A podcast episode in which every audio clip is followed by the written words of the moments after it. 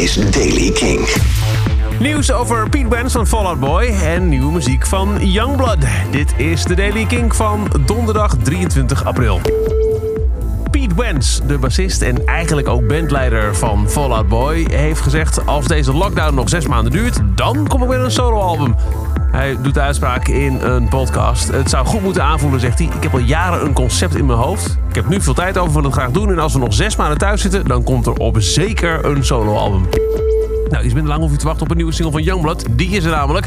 Gisteravond kwam die uit, gelijk gedraaid op Kink en nu overal te beluisteren. Weird.